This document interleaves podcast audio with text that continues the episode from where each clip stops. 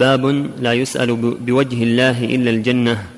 عن جابر قال قال رسول الله صلى الله عليه وسلم لا يسأل بوجه الله إلا الجنة.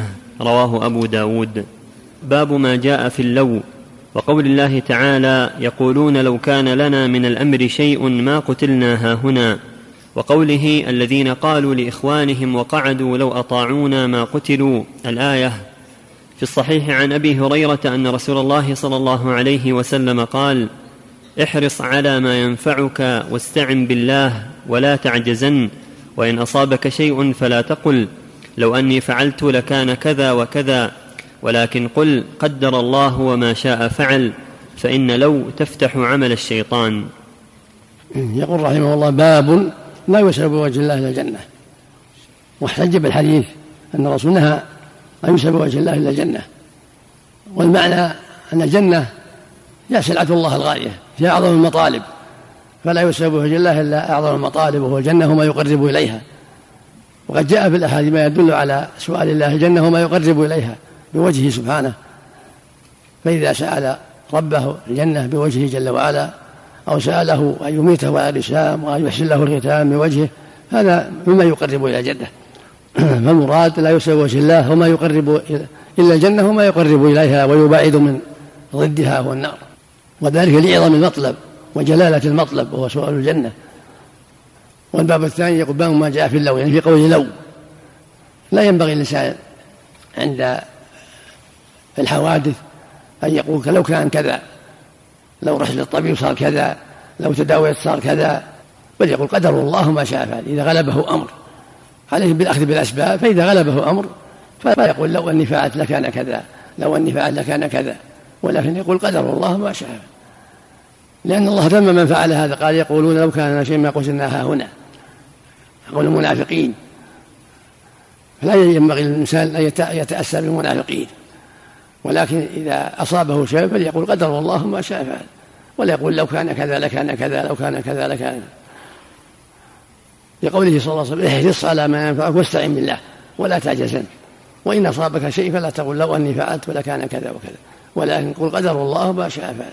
فالمؤمن يجتهد في الأسباب النافعة ودفع الأسباب الضارة فإذا غلبه أمر فليقل قدر الله ما شاء يعني هذا قدر الله؟ أو يقول إنا لله وإنا إليه راجعون كما قال تعالى وبشر الصابرين الذين أصابتهم مصيبة قالوا إنا لله وإنا إليه راجعون. أما يقول لو أني سافرت صار كذا لو أني جئت الطبيب صار كذا لو أني فعلت كذا هذا لا ينبغي الاعتراض على القدر. ولهذا قال صلى الله عليه وسلم لا يقول لو أني فعلت لكان كذا وكذا. هو عليه الأول الأخذ بالأسباب. يحرص على ما ينفعك واستعن بالله يأخذ بالأسباب يتداوى يتعاطى الأسباب التي يراها نافعة وهي مباحة يتعاطاها يبيع ويشتري يزرع يغرس يتعاطى الأسباب. لكن متى غلبه أمر فليقول إنا لله وإنا إليه راجعون. قدر الله ما شاء فعل. ولا يقول لو أني جئت الطبيب لو أني سقيت المزرعة كذا لو أني سافرت كذا لا هذا من باب الاعتراض على القدر. ولا ينبغي هذا. ولكن يقول قدر الله ما شاء فعل. أما تمني الأعمال الطيبة لو استقبلت من الله لفعلت كذا. لو علمت أن فلان في البلد لزرته لو علمت أن فلان مريض لعدت هذا ما في بأس. هذا من باب تمني الخير لكن الممنوع اعتراض على القدر. يقول لو إذا أصابه حادث يقول لو أني فعلت ما أصابني هذا الحادث لو أني سافرت ما أصابني هذا المرض لو أني فعلت كذا ما جاء كذا هذا هو الممنوع أما كون يتمنى الخير فقد قال النبي صلى الله عليه وسلم لو استقبلت من أمري ما استدبرت ما عليت فهذا معناه أن الرسول أن الرسول صلى الله عليه وسلم تمنى أنه فعل هذا الشيء له استقبل ما استدبر. فإذا قال الإنسان لو علمت أن فلانا موجود لزرته. لو علمت أن فلان مريض لعدته. لو علمت أن هذا ينفع لفعلته. ما في بأس. إنما الممنوع الاعتراض على القدر. لو فعلت كذا ما أصابني هذا المرض لو ما سافرت ما أصابني هذا المرض لو ما فعلت كذا ما ما أصابني كذا. هذا هو الممنوع. ولكن يقول قدر الله وما شاء فعل. يعني هذا قدر الله وما شاء فعل. وفي قوله صلى الله عليه وسلم احرص ما ينفعك الأمر بالأسباب. وأن الإنسان مأمور بالأسباب. احرص على ما ينفعك واستعن بالله. عليه يعمل ما يستطيع يغرس الزرع يغرس يزرع يبيع ويشتري يتعاطى أسباب الخير يتعاطى أسباب الرزق يستعين بالله. مأمور بهذا. قال تعالى هو الذي جعل الأرض ذلولا فامشوا في مناكبها وكلوا من رزقه. قال تعالى فإذا قضيت الصلاة فانتشروا في الأرض وابتغوا من فضل الله واذكروا الله كثيرا. فالمؤمن يبتغي من فضل الله يطلب الرزق ولكن يستعين بالله ويعتمد على الله ويعلم أنه مقدر الأمور ومسبب الأسباب ولكن عليه فعل الأسباب هو مع الاستعانة بالله. مع الاستعانة بالله والتقابه والتوكل عليه. فإذا غلبه أمر فليقول إنا لله وإنا إليه قدر الله وما شاء. باب النهي عن سب الريح. عن أبي بن كعب رضي الله عنه أن رسول الله صلى الله عليه وسلم قال لا تسبوا الريح فإذا رأيتم ما تكرهون فقولوا اللهم إنا نسألك من خير هذه الريح وخير ما فيها وخير ما أمرت به ونعوذ بك من شر هذه الريح وشر ما فيها وشر ما أمرت به صححه الترمذي. هذا الباب عقده المؤلف رحمه الله في كتاب التوحيد للنهي عن سب الريح. لأن سبها نقص في الإيمان نقص في التوحيد. فالجن مسخر مأمور. فلهذا نهى النبي عن سب الريح. ولا تسبوا الريح. فإذا رأيتم ما تكرهون فقولوا اللهم إنا نسألك من خير هذه الريح وخير ما فيها وخير ما أردت به. ونعوذ من شرها وشر ما فيها وشر ما أردت به. واللفظ الآخر وشر ما أرسلت به. واللفظ الآخر اللهم اجعلها رياحا ولا تجعلها ريحا. اللهم اجعلها رحمة ولا تجعلها عذابا. وهو جل وعلا قال. وهو الذي يرسل الرياح مبشرات ومن آياته يرسل الرياح مبشرات فإذا رأى من الريح شدة فلا يسبها. بل يقول اللهم إني خيرها وخير ما فيها خير ما أرسلت به أو خير ما أمرت به ونعوذ من شرها وشر ما فيها وشر ما أمرت به أو شر ما أرسلت به كما جاء الحديث. اللهم اجعلها رياحا ولا تجعلها ريحا اللهم اجعل رحمته ولا تجعلها عذابا. يستجيب بالله الذي خلقها سبحانه. فقد عذب الله قوم هود بالريح فهلكوا عن آخرهم بسبب ظلمهم وعدوانهم وكفرهم. فالريح تأتي بالخير والشر فالإنسان يسأل الله خيرها. ويعوذ بالله من شره فمن كمال التوحيد وكمال الإيمان أن لا تسب الريح بل تسأل الله خيرها وتعوذ بالله من شرها. باب قول الله تعالى يظنون بالله غير الحق ظن الجاهلية يقولون هل لنا من الأمر من شيء؟ قل إن الأمر كله لله.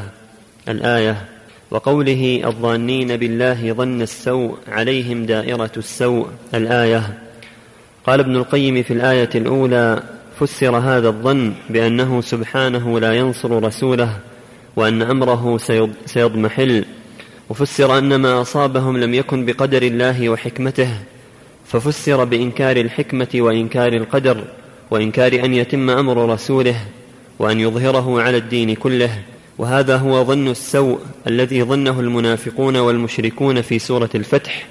وإنما كان هذا ظن السوء لأنه ظن ظن غير ما يليق به سبحانه وما يليق بحكمته وحمده ووعده الصادق.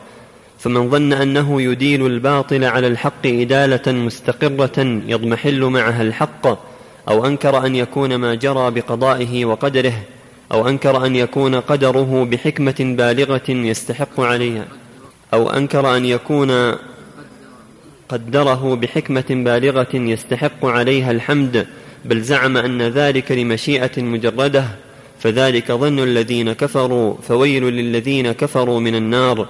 وأكثر الناس يظنون بالله ظن السوء فيما يختص بهم وفيما يفعله بغيرهم ولا يسلم من ذلك إلا من عرف الله وأسماءه وصفاته وموجب حكمته وحمده. فليعتني اللبيب الناصح لنفسه بهذا وليتب إلى الله ويستغفره من ظنه بربه ظن السوء. ولو فتشت من فتشت لرأيت عنده تعنتا على القدر وملامة له وأنه كان ينبغي أن يكون كذا وكذا فمستقل ومستكثر. وفتش نفسك هل أنت سالم؟ فإن تنجو منها تنجو من ذي عظيمة وإلا فإني لا لا إخالك ناجيا. قد عقد المؤلف رحمه الله هذا الباب في كتاب التوحيد للتحذير من ظن السوء الذي يظنه المنافقون والكافرون. الواجب على أهل الإيمان أن يظنوا بالله ظن الحق وأن يأخذوا بأسباب السعادة. فالله جل وعلا وعد أولياءه وعد رسله النصر والتأييد. إذا استقاموا على ما شرع لهم كما قال تعالى ولقد سبقت كلمتنا لعبادنا المرسلين إنهم لهم المنصورون. وإن جندنا لهم الغالبون. قال جل وعلا وكان حقا علينا نصر المؤمنين. قال تعالى يا أيها الذين آمنوا إن تنصروا الله ينصركم ويثبت أقدامكم. قال عز وجل ولا ينصرن الله من ينصره. إن الله لقوي عزيز. الذين إن مكناهم في الأرض أقاموا الصلاة وآتوا الزكاة وآمروا بالمعروف ونهوا عن المنكر. ولله عاقبة الأمور. وذم المنافقين. والكافرين في قوله يظن بالله ظن الجاهلية وقال جل وعلا الظن بالله ظن السوء عليهم دائر السوء. فالكفار ظنوا بأن الله لا ينصر رسوله ولا يؤيده وهكذا المنافقون. ظنوا أن الله أن الله لا ينصر رسوله وأنه يدين الباطل على الحق وأنه يقضى عليه وأن الكفار ينتصرون. فهيب الله ظنهم ونصر رسوله وأيده وأظهره عليهم. ثم فتح الله عليه مكة عليه الصلاة والسلام ودخل الناس في دين الله أفواجا. فالواجب على كل مؤمن أن يظن بالله ظن الحق وأن يعرف أنه سبحانه هو الحكيم العليم. فإذا أدال الكفر على أهل الحق في بعض الأحيان فهو لأسباب وقعت من أهل الإيمان. أولما أصابتكم مصيبة قد أصبتم إليها قلتم أن هذا قلوا من عند أنفسكم. وما أصابكم من مصيبة فبما كسبت أيديكم ويعفو عن كثير. فالواجب على العبد المؤمن أن يظن بالله ظن الحق وأن يخلص العمل لله وأن يجتهد في طاعة الله ويعلم أن الله سيجازيه بالجزاء الحسن. بالسعادة في الدنيا والآخرة والنجاة في الدنيا والآخرة على عمله الطيب وعمله الصالح. ولا يوافق أهل الضلالة من المنافقين والجاهلين والكافرين في ظن السوء اللي يحذروا ما, ما هم عليه من الباطل ويظن بالله ظن الحق ويأخذ بالأسباب يعمل بالأسباب التي شرع الله جل وعلا. فمن أخذ بها أخذ بالسعادة. لا بد من أخذ بالأسباب. وعد الله الذين آمنوا منكم وعملوا الصالحات لا يستخلفنهم الأرض كما استخلف من قبلهم ولا يمكن لهم دينهم الذي ارتضى لهم ولا يبدلنهم من بعد خوفهم أمنا. يعبدونني لا يشركون بي شيئا. والمؤمنون والمؤمنات بعضهم أولياء بعض يأمرون بالمعروف وينهون عن المنكر ويقيمون الصلاة ويؤتون الزكاة ويطيعون الله ورسوله. أولئك سيرحمهم الله. هذه أسباب النصر وأسباب التأييد. ولا ينصرن الله من ينصره. إن الله لقوي عزيز. الذين إن مكناهم الأرض أقاموا الصلاة وآتوا الزكاة وامروا بالمعروف ونهوا عن المنكر. فإذا أخلوا بما يجب عليهم قد يعاقبون حتى ينتبهوا وحتى يعودوا إلى رشدهم. كما جرى يوم أحد. نسأل الله الجميع التوفيق والهداية. نعم. باب ما جاء في منكر القدر. وقال ابن عمر والذي نفس ابن عمر بيده لو كان لأحدهم مثل أحد ذهبا ثم أنفقه في سبيل الله ما قبله الله منه حتى يؤمن بالقدر ثم استدل بقول النبي صلى الله عليه وسلم الإيمان أن تؤمن بالله وملائكته وكتبه ورسله واليوم الآخر وتؤمن بالقدر خيره وشره رواه مسلم. وعن عبادة بن الصامت أنه قال لابنه يا بني إنك لن تجد طعم الإيمان حتى تعلم أن ما أصابك لم يكن ليخطئك وما أخطأك لم يكن ليصيبك. سمعت رسول الله صلى الله عليه وسلم يقول إن أول ما خلق الله القلم. فقال له اكتب. فقال رب وماذا أكتب؟ قال اكتب مقادير كل شيء حتى تقوم الساعة. يا بني سمعت رسول الله صلى الله عليه وسلم يقول من مات على غير هذا فليس مني. وفي رواية لأحمد إن أول ما خلق الله تعالى القلم. فقال له اكتب. فجرى في تلك الساعة بما هو كائن إلى يوم القيامة. وفي رواية لابن وهب قال قال رسول الله صلى الله عليه وسلم فمن لم يؤمن بالقدر خيره وشره أحرقه الله بالنار. وفي المسند والسنن عن ابن الديلمي قال أتيت أبي بن كعب فقلت في نفسي شيء من القدر فحدثني بشيء لعل الله يذهبه من قلبي. فقال لو أنفقت مثل أحد ذهبا ما قبله الله منك حتى تؤمن بالقدر وتعلم أن ما أصابك لم يكن ليخطئك وما أخطأك لم يكن ليصيبك ولو مت على غير هذا لكنت من أهل النار. قال فأتيت عبد الله بن مسعود وحذيفة بن اليمان وزيد بن ثابت فكلهم حدثني بمثل ذلك عن النبي صلى الله عليه وسلم. حديث صحيح رواه الحاكم في صحيحه. هذا الباب بين عقده المؤلف رحمه الله في كتاب التوحيد لبيان أن الإيمان بقدر من أركان الإيمان ومن توحيد الله الذي أوجب له أوجبه على عباده. فالواجب على جميع المكلفين الإيمان بالله وبملائكته وكتبه ورسله واليوم الآخر وبالقدر خيره وشره. فلا بد من هذا كله. وهذه أصول الإيمان الستة. الإيمان بالله وأنه ربك ومعبودك الحق وأنه مستحق العبادة وأنه لا إله غيره ولا رب سواه هو الخلاق العليم وهو المستحق لأن يعبد. كما قال جل وعلا فاعلم أنه لا إله إلا الله. قال سبحانه وإله بإله واحد لا إله إلا هو الرحمن الرحيم. هو المستحق أن يعبد جل وعلا. وكل المعبودات من دون الله من أنبياء أو ملائكة أو جن أو أصنام كلها باطلة. والعبادة بالحق لله وحده. وما أمروا إلا ليعبدوا الله مخلصين له الدين. وهكذا الإيمان بالملائكة. وأن لله ملائكة. وهكذا الكتب وهكذا الرسل وهكذا اليوم الآخر لا بد منها. أن يؤمن بملائكة الله وأنهم بطاعته وتنفيذ أوامره لا يسبقونه بالقول وهم بأمره يعملون. ولا بد من بكتب الله منزلة على الأنبياء وأعظمها وأشرفها القرآن وهو خاتمتها. ولا بد من الإيمان بالرسل جميعا من أولهم إلى آخرهم عليهم الصلاة والسلام. ولا بد من الإيمان باليوم الآخر وأن الله يبعث الناس ويجازيهم بأعمالهم خيرها وشرها. فالمتقون لهم الجنة والكافرون لهم النار. ولا بد من الركن السادس وهو الإيمان بالقدر. قال ابن عمر رضي الله عنه لما سأله سائل عن القدرية قال لو كان لأحد مثل أحد ذهبا ثم أنفقه في سبيل الله ما قبله الله منه حتى يؤمن بالقدر. ثم ذكر قول النبي صلى الله عليه وسلم الإيمان أن تؤمن بالله وملائكته وكتبه ورسله واليوم الآخر وبقدر خيره وشره. وهكذا قال عبادة بن الصامت لابنه يا بني اعلم أنك لو أنفقت ما في الأرض ما قبله منك حتى تعلم أن ما أصابك. وقال لن تطعم لن تجد لن تجد طعم الإيمان حتى تؤمن بالقدر وتعلم أن ما أصابك من كل يخطئك وما أخطأك من كل يصيبك وأن الله جل وعلا لما خلق القلم قال له اكتب فجرى في تلك السابين وهو إلى يوم القيامة. قدر الله المقادير كلها. كما في الحديث الآخر يقول صلى الله عليه وسلم إن الله قدر مقادير الخلائق. قبل أن يخلق السماء بخمسين ألف سنة وكان عرشه على الماء. وهكذا ابن الديلمي سأل أبي بن كعب وزيد بن ثابت وحذيفة بن اليماني وابن مسعود عن القدر فقال وأنفقت ما في الأرض ذهبا ما قبله منك حتى تؤمن بالقدر وتعلم أن أصابك لم يكن ليخطئك وما أخطأك من يصيبك فلا بد من الإيمان بأن الله قدر الأشياء وعلمها وعلم الأشقياء من السعداء وعلم أكسب الناس وأعمالهم وعلم كل شيء جل وعلا فما من حادث وكائن يكون إلا قد مضى وقد مضى في علم الله أمره. والجنين في بطن الأمة يكتب رزقه وأجله وعمله وشقي أو سعيد تفصيلا من القدر السابق. تفصيلا من القدر السابق. وهكذا في ليلة القدر. تقدر الخلائق تفصيلا مما مما مضى. كما قال تعالى في القدر فيها يفرق كل أمر حكيم. كل ما يكون في السنة.